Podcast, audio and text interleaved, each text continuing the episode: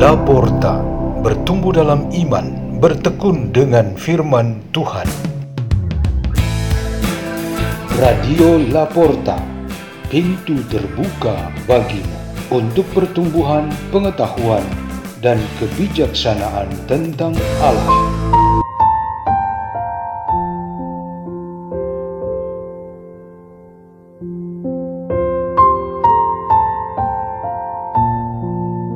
Bacaan-bacaan dan renungan Sabda Tuhan.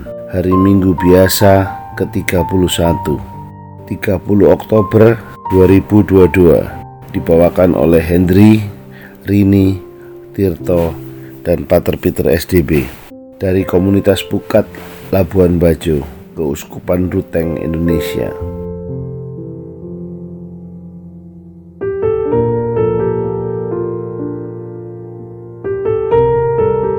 Bacaan dari Kitab Kebijaksanaan bab 11 ayat 22 sampai bab 12 ayat 2. Tuhan laksana sebutir debu di atas neraca atau seperti embun pagi yang jatuh ke bumi demikianlah seluruh jagat di hadapanmu tetapi justru karena engkau berkuasa atas segala sesuatu maka semua orang kau kasihani dan dosa manusia tidak kau perhatikan, supaya mereka bertobat.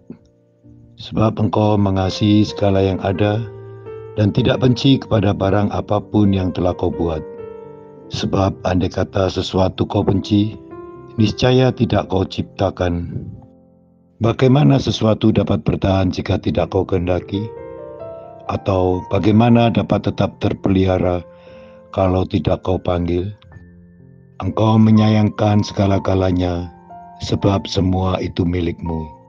Ya penguasa penyayang hidup, rohmu yang baka ada di dalam segala sesuatu. Dari sebab itu, orang-orang yang jatuh kau hukum berdikit-dikit. Mereka kau tegur dengan mengingatkan dalam hal mana mereka sudah berdosa. Supaya setelah menjauhi kejahatan itu, mereka percaya kepada dikau ya Tuhan. Demikianlah sabda Tuhan.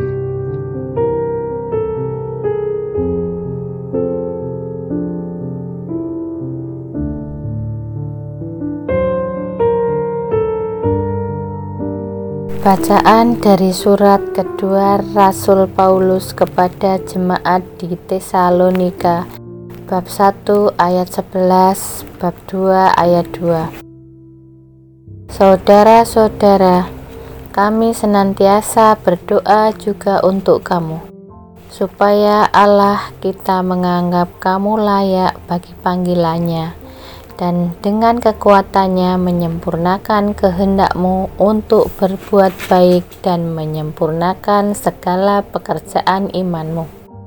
Dengan demikian nama Yesus Tuhan kita dimuliakan di dalam kamu dan kamu di dalam dia sesuai dengan kasih karunia Allah kita dan Tuhan kita Yesus Kristus.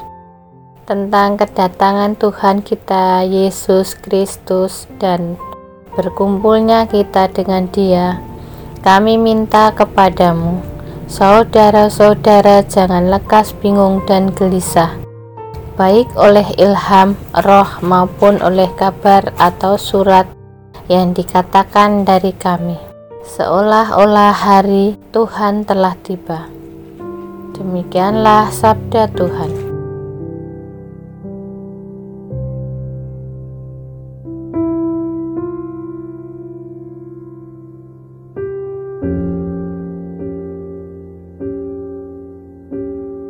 Inilah Injil suci menurut Lukas bab 9 ayat 1 sampai 10. Sekali peristiwa Yesus memasuki kota Yeriko dan berjalan melintasi kota itu. Di situ ada seorang kepala pemungut cukai yang amat kaya bernama Sakius. Ia berusaha melihat orang apakah Yesus itu, tetapi ia tidak berhasil karena orang banyak, sebab ia berbadan pendek. Maka Berlarilah ia mendahului orang banyak, lalu memanjat pohon ara untuk melihat Yesus yang akan lewat di situ. Ketika sampai di tempat itu, Yesus melihat ke atas dan berkata, "Sakeus, segeralah turun. Hari ini aku harus menumpang di rumahmu." Sakeus segera turun dan menerima Yesus dengan sukacita. Tetapi semua orang yang melihat hal itu bersungut-sungut katanya. Ia menumpang di rumah orang berdosa. Tetapi Sakius berdiri dan berkata kepada Tuhan, Tuhan, separuh dari milikku akan kuberikan kepada orang miskin. Sekiranya ada sesuatu yang kuperas dari seseorang, akan kukembalikan empat kali lipat. Kata Yesus kepadanya, Hari ini telah terjadi keselamatan atas rumah ini karena orang ini pun anak Abraham sebab anak manusia datang untuk mencari dan menyelamatkan yang hilang. Demikianlah sabda Tuhan.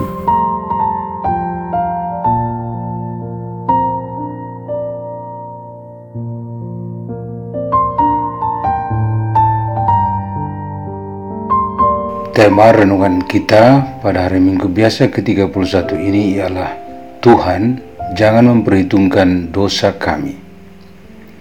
Di dalam doa damai sebelum penyambutan komuni dalam perayaan Ekaristi, kalimat ini diucapkan oleh imam. Ungkapan ini merupakan perintah Yesus Kristus kepada kita untuk hidup damai yang berbunyi, Tuhan Yesus Kristus jangan memperhitungkan dosa kami tetapi perhatikanlah iman gerejamu. Doa ini memohon sebuah tindakan yang sesungguhnya hanya Tuhan yang dapat melakukan dengan sempurna. Permohonannya ialah supaya Tuhan membebaskan kita dari dosa-dosa dan mengampuni kita. Yang dilakukan Tuhan ini tentu tidak sama dengan yang dilakukan manusia. Tuhan dengan segala kuasa dan kerahimannya tidak memperhatikan dosa-dosa kita karena ia menggunakan kasihnya yang begitu besar.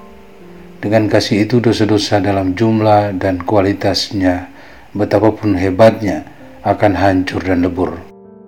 Tindakan Tuhan itu selalu kita namakan sebagai pengampunan, penebusan, dan penyelamatan.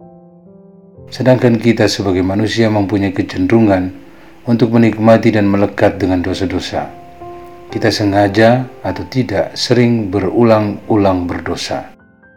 Seseorang dapat berulang kali jatuh dalam dosa yang sama, atau seorang lain sudah berdosa dan karena tidak kuat mengatasinya, ia menyerah dan terus-menerus dalam dosa itu.